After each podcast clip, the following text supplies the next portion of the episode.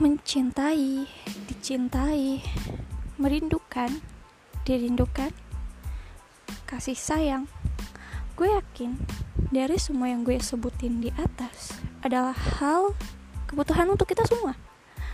Tanpa itu semua, kita nggak pernah tahu rasanya kasih sayang, rasanya mencintai, rasanya merindu, dan rasanya luka atas hal itu juga. Dari luka tersebut, banyak hal yang menjadi pembelajaran buat kita semua. So, jangan takut, karena sebenarnya ketika jatuh cinta, kita benar-benar sudah jatuh.